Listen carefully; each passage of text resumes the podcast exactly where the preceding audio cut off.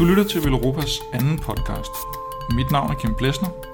For et par uger siden arrangerede Velropa en tur til Flandern rundt. Min faste podcastmarker Christian Møller Nielsen var også med, og han optog en masse lydbilleder og interviews dernede. På vejen hjem fra Belgien, så blev Christian lidt i tvivl om, hvorvidt det materiale, han havde optaget, sådan, kunne bruges til en podcast. Vi blev enige om, at det, der nok manglede, var en oplæsning af, hvad vi havde foretaget os på turen, med Christians optagelse som en slags lydtapet. Og så på hjemturen, så fantaserede vi lidt om, hvor, hvor rigtigt det ville være, hvis nu Jørgen Let havde lyst til at indtale vores rejsebeskrivelse, og vi kunne lave en podcast ud for det. Og sådan, sådan her mere distinkt, når, jeg, når, når det er sådan en oplæsning. Ikke? Sådan her. Hvad siger du til det? Lige præcis. Og til vores store overraskelse, så var Jørgen faktisk med på ideen, og vi har lidt svært ved at beskrive, hvor, hvor stolte vi er over det. Så her kommer podcast nummer to for Europa. Vi har valgt at kalde den Flandern, grim på den smukke måde. God fornøjelse. Skal du ned og se cykling? spurgte damen i Forex-butikken. Hvordan kunne du vide det? Det er kun cykelfans, der siger, at de skal til Belgien. Alle andre siger, at de skal til Bruxelles. Sent fredag aften, i nærheden af Roselare. Der lugter lidt af ko, da vi nærmer os vores lille familiedrevne hotel. Alt er, som det skal være. Vi kører af de små veje, omkranset af de typiske dybe grøfter og markerne med de enormt store plovfuger. Vi er i Flandern. Alt er, som det skal være. Lørdag morgen. Vores vært Jan har klargjort morgenmaden. Han ved, vi er kommet for at opleve Flandern rundt. Kan I se det hvide hus derovre? Det er min nabo Patrick Lefebvre, siger han stolt, med henvisning til Omega Pharma Quicksteps legendariske teammanager. Jan tror selv på Stein de Volder i årets udgave af Det Runde. Den forudsigelse kommer slet ikke til at holde stik. Men det ved han selvfølgelig ikke endnu. I'm uh, Jan from Guesthouse Babili, and uh, we're living uh, in the center of center of West Flanders. eh? And my neighbor is Patrick Lefevre. but every, everyone likes the cycling uh, sport. Uh, It's very famous in Belgium and especially in Flanders, I think. Yeah. For me, is uh, Steen de Volder is one of the favorites. I have seen him in the race uh, Ghent-Wevelgem, and he was, I think he was very strong. And um, if Steen de Volder is good, he is dangerous. I don't know if he is so popular, but um, you know, Stain is very up and down, and I think for the moment he is very up. He is good. I have seen him in in the race uh, against Wevelgem, and he just had a few percent more to win this race, I think. And I think in this last week he can take this. This is my opinion. Maybe it is rain. If it is raining, if it is raining, maybe is Tibar also a very dangerous person. But uh, like every uh, real Flanders man, I looking this afternoon to television to the cycling uh, uh, competition. Maybe I have to see to pass him in Roeselaar, maybe, but uh, normally I have not time for this. And uh, but in my sofa, I can see it very well. Vi kører ud til Kvarmont. Ute Kvarmont. Motionisterne er i fuld gang med at prøve kræfter med brostenstigningen. Her et døgns tid, før et menneskehav af cykelfans vil omfavne den 2,2 km lange opkørsel. Det er solskin. Vi går op ad stigningen. Det sidste stejle stykke, hvor brostenene til tider ligger, som var de kastet ned fra himlen. Ujævnt. Vejen, hvis man kan kalde den det, bølger nærmest op og ned. Pludselig kommer en rytter i fuld lamper uniform susende forbi, markant hurtigere end motionisterne. Var det ikke Pippo? Vi havde godt set lamperbilen holde op i byen, men overraskelsen var alligevel stor, da Filippo Borsato blandede sig med motionisterne. Op og ned, op og ned af Kvarmont, tydeligvis i gang med en sidste justering af cyklen. Svaghedstegn? Omhyggelighed? Svaret kommer søndag. Vi forsøger at få et interview, men Posato har allerede en aftale med Alessandra fra den italienske tv-station RAI. Poi hai visto il telefono mai? Non sono No, ma- che rompe. Siccome gli, ho- perché dopo immagini c'ho- buone gli sono- ho detto a loro, ho detto, ma cazzo, ma con loro perché non voglio parlare con gli altri? Ma certo. Ma rotto i coglioni tutti, ma che vadano a cagare. Cazzo. Mi schiama con mio e mi dice com'è? Bene. Detto, eh?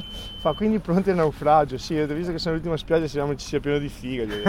Almeno quello, porca. Ho sbagliato? Eh? Ma va, va. Ah, continua, a rompermi il cazzo, detto, almeno la butto sul ridere, gli ho detto, va. Sì, Ho detto, ma che se- gli ho detto, speriamo, gli ho detto, a me piace il sole, detto, ma...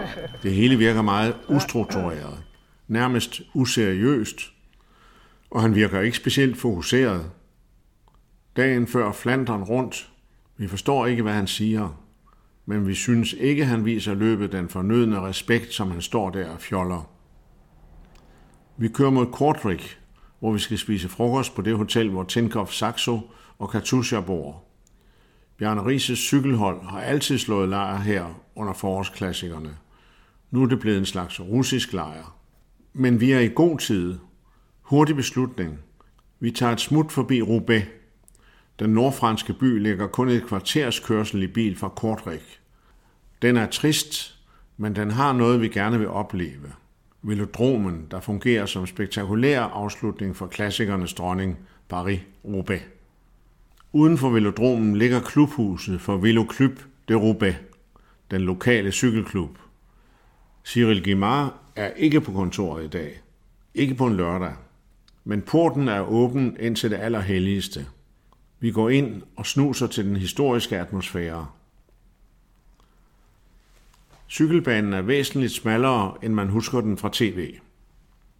Men ellers er alt, som det skal være. Tilbage til Kortrik, hvor frokosten venter. Uden for hotellet står Tinkoff Saxos mekanikere og gør cykler klar til Paris-Roubaix. Næste uge strabasser. Christopher Jul skal have justeret klamperne på sine sko. Man kan godt mærke, at han er koncentreret. Han fortæller, at hans opgave er at aflevere Mati Brachel anden gang rytterne rammer Kvarmont. Vi taler med den belgiske mekaniker Christophe Desempelare, der er vokset op i området. Christophe er den eneste person, der har været på det, der indtil slutningen af sidste år var et dansk cykelhold. Lige siden starten som Team Home Jack and Jones i 1998, og til nu, hvor holdet er russisk og hedder Team Tjengov Saxo. Han fortæller om arbejdet som mekaniker, om brosten, og at Alberto Contador kommer forbi efter Baskerlandet rundt. De skal teste den frygtede Arnberg-etappe i årets Tour de France. My name is Christoph and I'm a mechanic on Think of Saxo and I have been here since 98. The bike, they're all the same if it's for for Carsten Kroon or Benati or, or, or Matti Breschel. The bikes is identical besides from the sizes and the position. The bikes are all the same so we can only make the bike as good as we can and then hope the riders do the same. But we, we have specialized bikes, and specialized do make specific bikes for cobblestones. We have a Roubaix bike, especially for Roubaix, basically. Then we have the SL4, which is made for more a more comfortable bike, not as aerodynamic like the Venge. We also have a Venge, which is more dynamic. So it's a very combination of okay, what kind of races we are doing, and then um, what, what what kind of type of bike the rider prefer also, because it's also very individual. So, but you have the possibility because we have the three kind of bikes. Also for the tour this year, we have a cobblestone um, stage uh, when they, after when they come back from England. So when they enter France and Belgium, we have a, st- a st- a stage on the cobblestones, and this is very tricky because Alberto is not used to go on these cobblestones. So they will come and test also after Roubaix, go on the cobbles to see the feeling with the tires and the, the grip of the tires on these stones because they're very different. We will do this next week after Roubaix. He will come here on Sunday to the hotel. Then he will stay with us on Sunday evening, and then Monday we go to the sectors from the Tour de France stage. Just to have it in his mind to, to make him comfortable as good as possible because cobblestones is not comfortable, especially not for a guy like Contador. He is so light. So this is why the big guys are mo- much more comfortable because the bike is much more having grip on the cobblestones. Light guys, they are just jumping all over the place.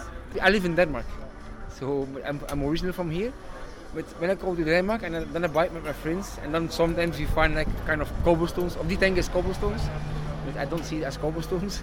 But then they really like, oh, exciting. And then when you come to Belgium and say, no, we go to the cobblestones. Yeah, but we have done this. And say, no, you have not done this. Then they get shocked, I tell you. Because when you go to the Quarmont or to the Patersberg, this is real cobblestones on the climbs. Like Roubaix is also cobblestones, but it is flat. So it- it's two different races. What is the difference? Uh, the speed is lower in Flanders because the hills is there. And um, in Roubaix, the speed is much higher when they hit the cobblestones. Like when they hit Arenberg, they hit Arenberg, the, the, the forest of Arenberg, they hit it at 60 per hour. Then it's really a challenge for the bikes and the rider, of course. So And who is uh, who is around here the most and telling you to ah know this, know this? uh, as a rider, um, we have Benatti who is pretty. I wouldn't say annoying, but uh, he is pretty demanding in these races here because he is good and maybe he's getting a bit nervous. Uh, I would say Benatti. He is also Italian. In general, Italians are a little bit more demanding, I would say. So the rest is pretty, yeah, cool, I would say. Frokosten er som altid god. Vi drikker øl. En lokal omer traditionel blond. Selvom vi burde drikke vin til vores bøf. Men vi drikker øl. Vi er i Belgien. Vi er i Flandern.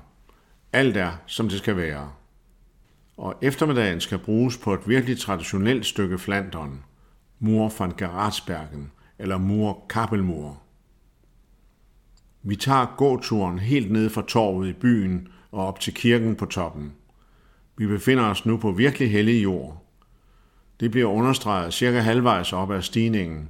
En mand vandrer rundt som en anden dommedagsprædikant med skilte foran og bagpå, der afslører budskabet Mur sugt kors. Mur søger løb. Manden er frustreret over, at arrangørerne af Flandern rundt gennem de seneste tre sæsoner har tilladt sig at se bort fra den savnsomspundne mur Kappelmur i Geratsbergen. Han siger, at han vil fortsætte sin demonstration, indtil han dør, eller indtil muren igen er en del af Flandern rundt. Hvad end der måtte komme først. You have a sign saying uh, Mur sur Yes, course. I'm so Mo is looking for uh, a course. It's looking for uh, so up until four years ago, the Muur was part of the Tour de Flanders, right? For I think 50, 60 or even more years. Now all over a sudden, the uh, company Flanders Classics behind the Tour de Flanders changed owner and then the owner decided that the Muur should not be incorporated into the Tour de Flanders anymore. And they went to Oudenaarde, where there is a museum, okay, and where there's room and everything. And now uh, you have at the Patersberg two tents with a capacity of 7,000 people and 500 euros to pass the day in. So you do the math. So it's a matter of money. But the last time uh, the, the, the tour was here, it was a race between Cancellara and Bonen. And I was right at the place, there, a little bit further here, where Cancellara looked back at Bonen, winked, and then he was gone. And Bonen could not follow me anymore. So the, the, the Muur has always been the, the place where it happened. If you wanted to do something, if you had good legs, as they say, there was the place to go. And then you had 12 more kilometers to the finish. And then, for years and years and years, all of these people, and in television also, could see what happened. And it was every year the same thing. When you could pass on the Muur, you practically won. And now all of this is gone. It's in Oudenaarde. Okay. So I am every year on the Saturday before the race, I make my little walk with my sign. I hope a lot of people make pictures and then they go on YouTube and Instagram and Facebook. And then perhaps, perhaps, when a lot of people are talking about it, it will come back. Søndag morgen. Torvet i Brygge. Det regner ganske meget, men de har lovet opklaring. Matti har senere fortalt, at han var så koncentreret i startområdet, at han slet ikke opfattede, at det regnede. Det fortæller lidt om den opgave, der venter rytterne.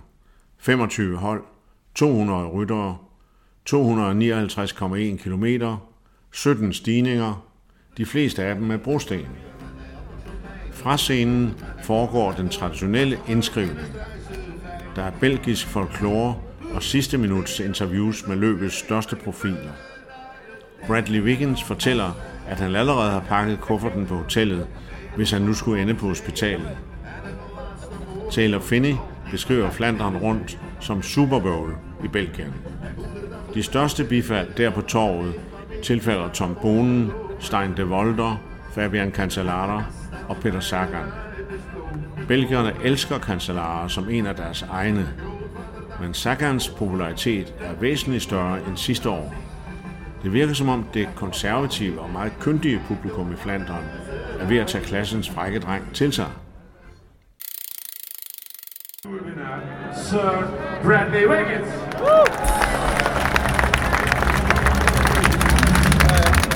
Will ask himself to be here on the start of the Tour of Flanders, isn't it? It always is, yeah. It's uh, one of the biggest races in the world, and um, I think there's more races in than just the Tour of France, so I'm really pleased to be back here in these races. So, what are your plans today? We've got a strong team, and um, Geraint Thomas is our leader, so uh, we're going to try and do everything possible to get him in the best position for the final. And uh, so that's that's our role today. Does it make you nervous to know that there are a lot of buffets coming? Uh, not really, no. I think you, you can't really afford to be nervous in these races. You just got to uh, commit 100%. And um, I've already packed my suitcase in the hotel in case I end up in hospital. So you've just got to do that and hope for the best.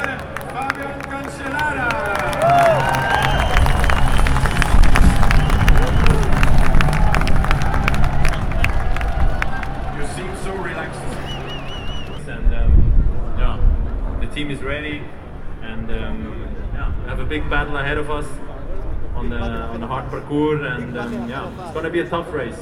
You feel 100% now? 99.9. The hundred is on the start line. Good luck today. Fabian Cancellara. Hij is nog bezig met Maarten van Grambelen. Vi oplever løbet fra Ute Quaramont, cirka 100 meter fra toppen af stigningen. Den sidste af de i alt tre gange rytterne kommer forbi. Her er der små 20 km til mål, og kun Patterberg venter inden målet i Udenarte. Vi står på marken på venstre side af ruten. På den anden side er der VIP-telte med sikkerhedsvagter og storskærme. På vores side er der grillpølser, belgisk øl, køletasker og klapstole. En lavt flyvende helikopter varsler, at rytterne nærmer sig. Forrest de to udbrydere, Greg van Avermaet og Stein van den Berg. Kort efter favoritgruppen. Og her, lige ud for hvor vi står, sætter Cancellara sit angreb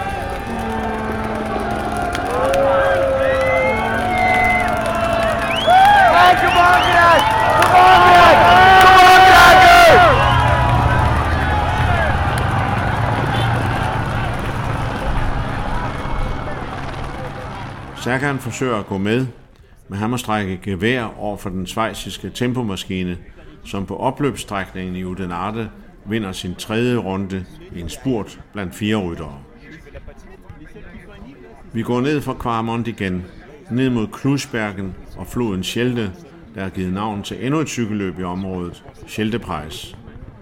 Det køres nu onsdagen mellem Flandern og Paris-Roubaix. En dato, der tidligere tilhørte gent wevelgem på vej ned fra Quarmont møder vi belgier, der evaluerer løbets udfald. Godt nok elsker de Cancellara, men han snød tre belgier i spurten. Endda tre af de lokale helte. Van Marke fra Kortrik, Van den Berg fra Udenarte og Van Avermaet fra Lokeren. Brugte Van Avermaet sine kræfter forkert? Hvorfor sad Van den Berg bare på hjul, når nu ikke hans kaptajn Bonen kunne følge med? Hvorfor hjalp Van Marke med at lukke huller, de gange Cancellara var i problemer? Alt er, som det skal være.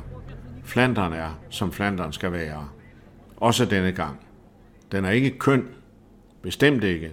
Nok nærmere grim, men på den smukke måde. Du har netop lyttet til Velropas podcast nummer 2. Først og fremmest skylder vi naturligvis Jørgen Let en stor tak, fordi han med sin oplæsning bandt det hele sammen. Tak til Christian Møller Nielsen for at tålmodigt have brugt en stor del af Flandern-turen på at indfange lyd. Og tak til dig, fordi du lyttede med. Skulle du have gode idéer til temaer for de kommende podcasts på Velropa, så er du velkommen til at sende en mail til kontakt eller kontakt os via Facebook eller Twitter. Som sædvanligt slutter vi af med Velropas signaturmelodi Bespoken, der er komponeret af John Random, udelukkende ved brug af lyde fra cykler. Du kan købe nummeret på iTunes. Tak for denne gang.